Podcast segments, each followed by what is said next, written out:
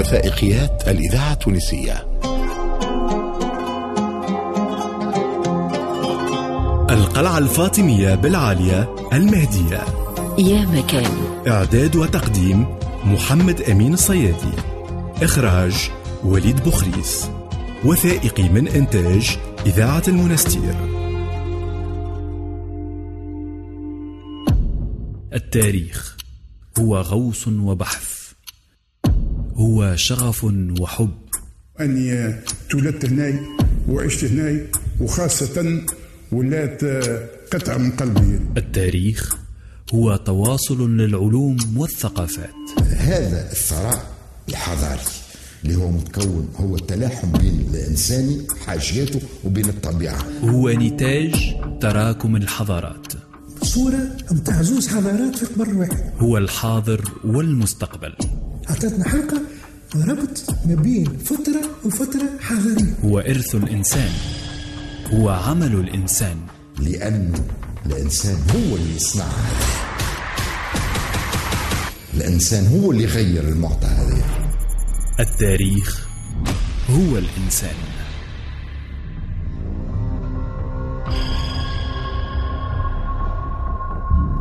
تراكم الحضارات في تونس نجده في بعض الهكتارات في موقع وحيد وفريد من نوعه. أنا أعتبر هذه الهضبة الأثرية بالعالية هضبة خارقة للعادة من ناحية من ناحية اللقاء الأثرية. نجم نقول لك قليل وجودها في مناطق أخرى بتراكم الفترات التاريخية. الموقع هذايا هو صحيح منا جغرافيا راو فيه صغير. لكن من الزخم التاريخي ثقيل وثقيل وثري وثري جدا. لأنه في موقع صغير تلقى معظم الفترات تاريخ تونس تتلخص وتتواجد في نفس الموقع.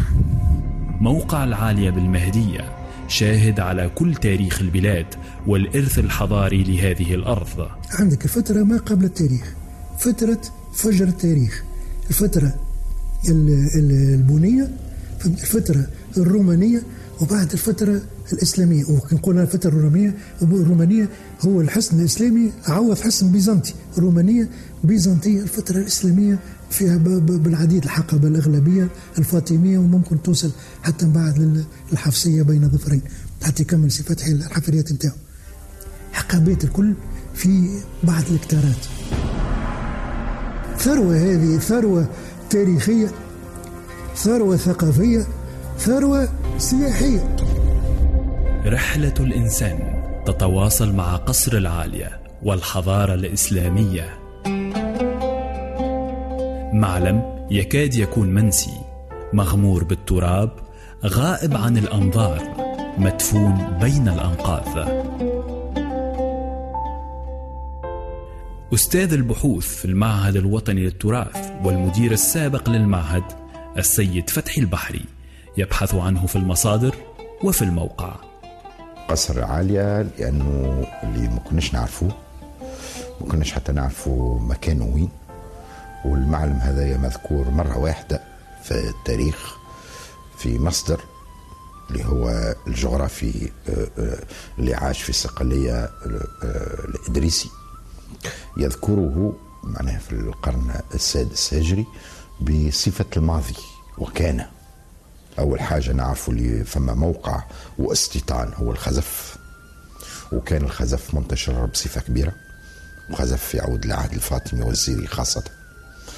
وهو شيء نادر. معنا في تونس باش نلقاو معلم ثم نشتغل على صور الساتيليت وصور ال satellite أعطتنا على الأقل الشكل العام للمعلم. لأنه يتضح ال satellite ثم انطلقت الأشغال منذ الحفريات منذ سنة 98 ما الذي يثبت لنا أن المعلم يعود للفترة الفاطمية؟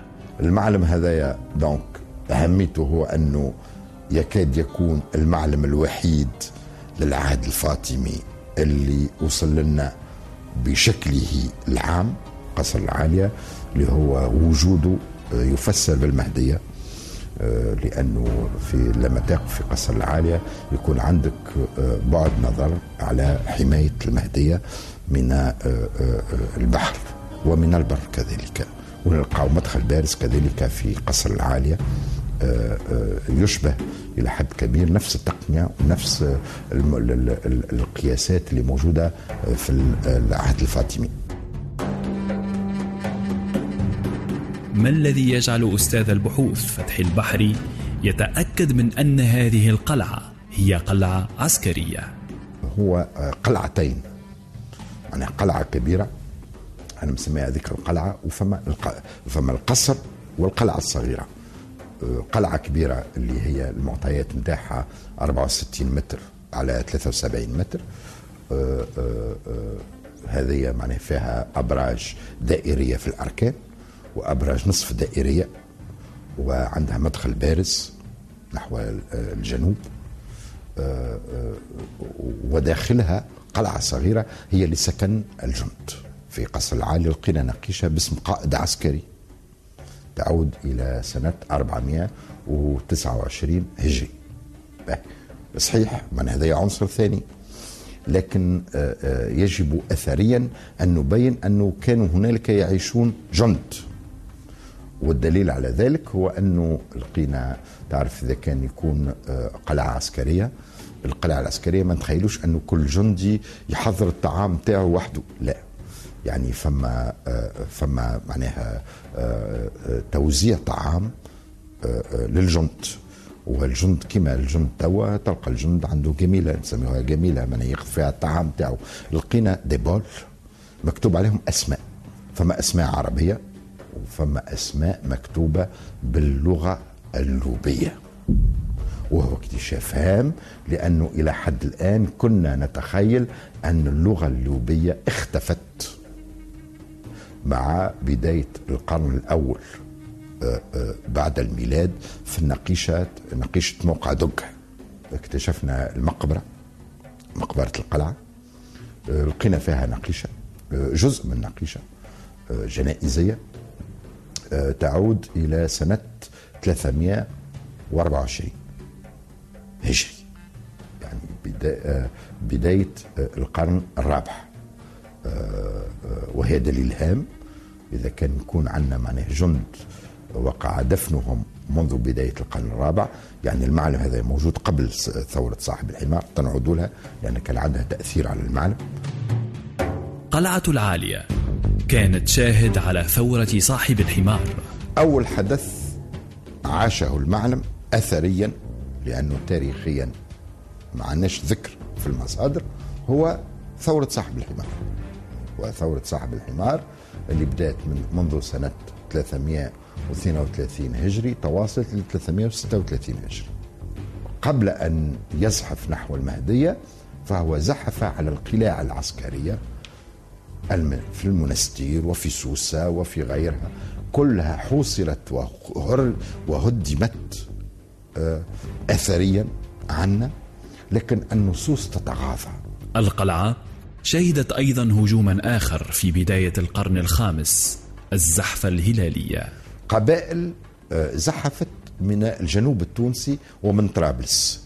زحفت ضد الحكم الزيري.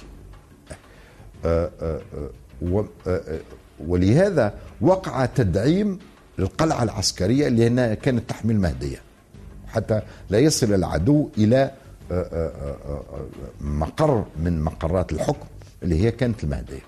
آه، آه، آه، عرفنا اللي الأعمال هذه وقت حتى بتسارع كبير لأنه استعمال الجبس.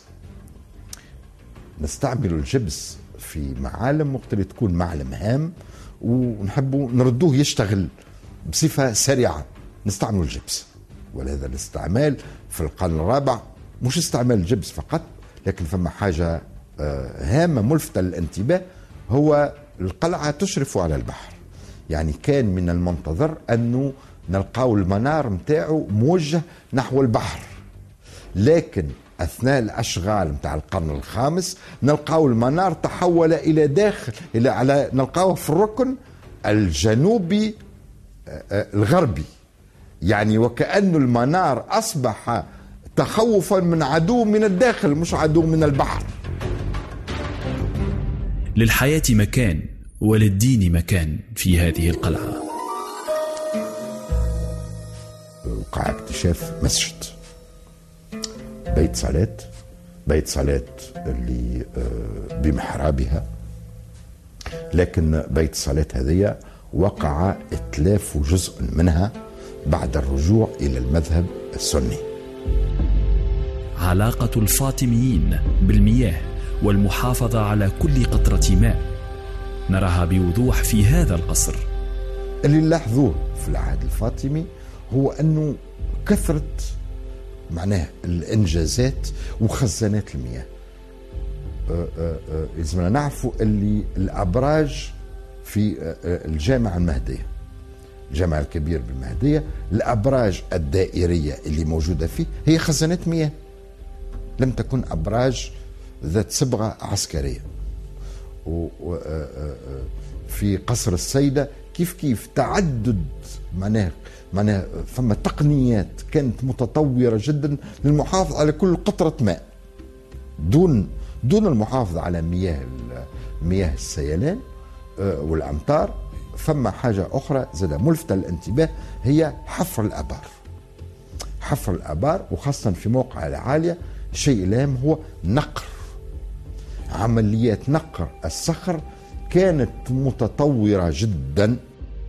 لم تكن التقنيات في المحافظة على المياه بركة لكن كذلك صرف المياه.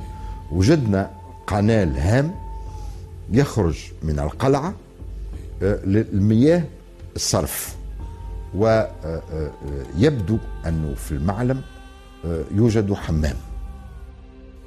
يعني لم يكن اختيار الموقع اعتباطي. اختيار الموقع كان بتعرف هو قصر العالي يقع في مرتفع حوالي 15 متر مقارنة بمستوى البحر. يعني هذا أولا.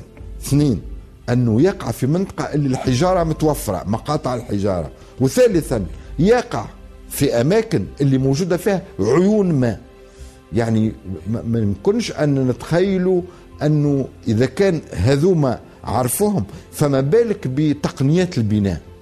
الموقع الأثري بالعالية يؤرخ لحياة الإنسان في تونس منذ ما قبل التاريخ. موقع يبقى مغمور ومدفون. شاهد على كل الحضارات في تونس ينسى. والله والله شيء أسف. وقت اللي تشوف قلعة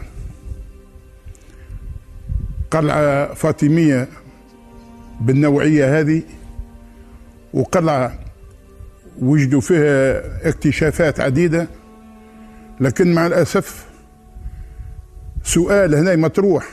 علاش المعهد الوطني للتراث وعلاش وزارة الثقافة ما ترصدش الاعتماد المالي للحفريات والترميم ذاكرة وطنية كنز تاريخي وموروث أثري في خطر.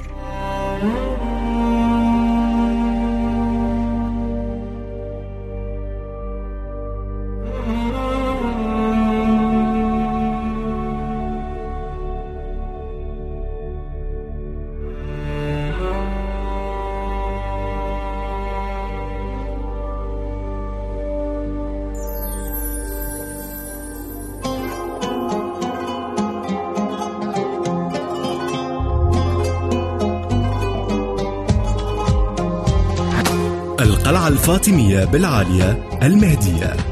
إعداد وتقديم محمد أمين الصيادي. إخراج وليد بخريس يا مكان. إنتاج الإذاعة التونسية 2021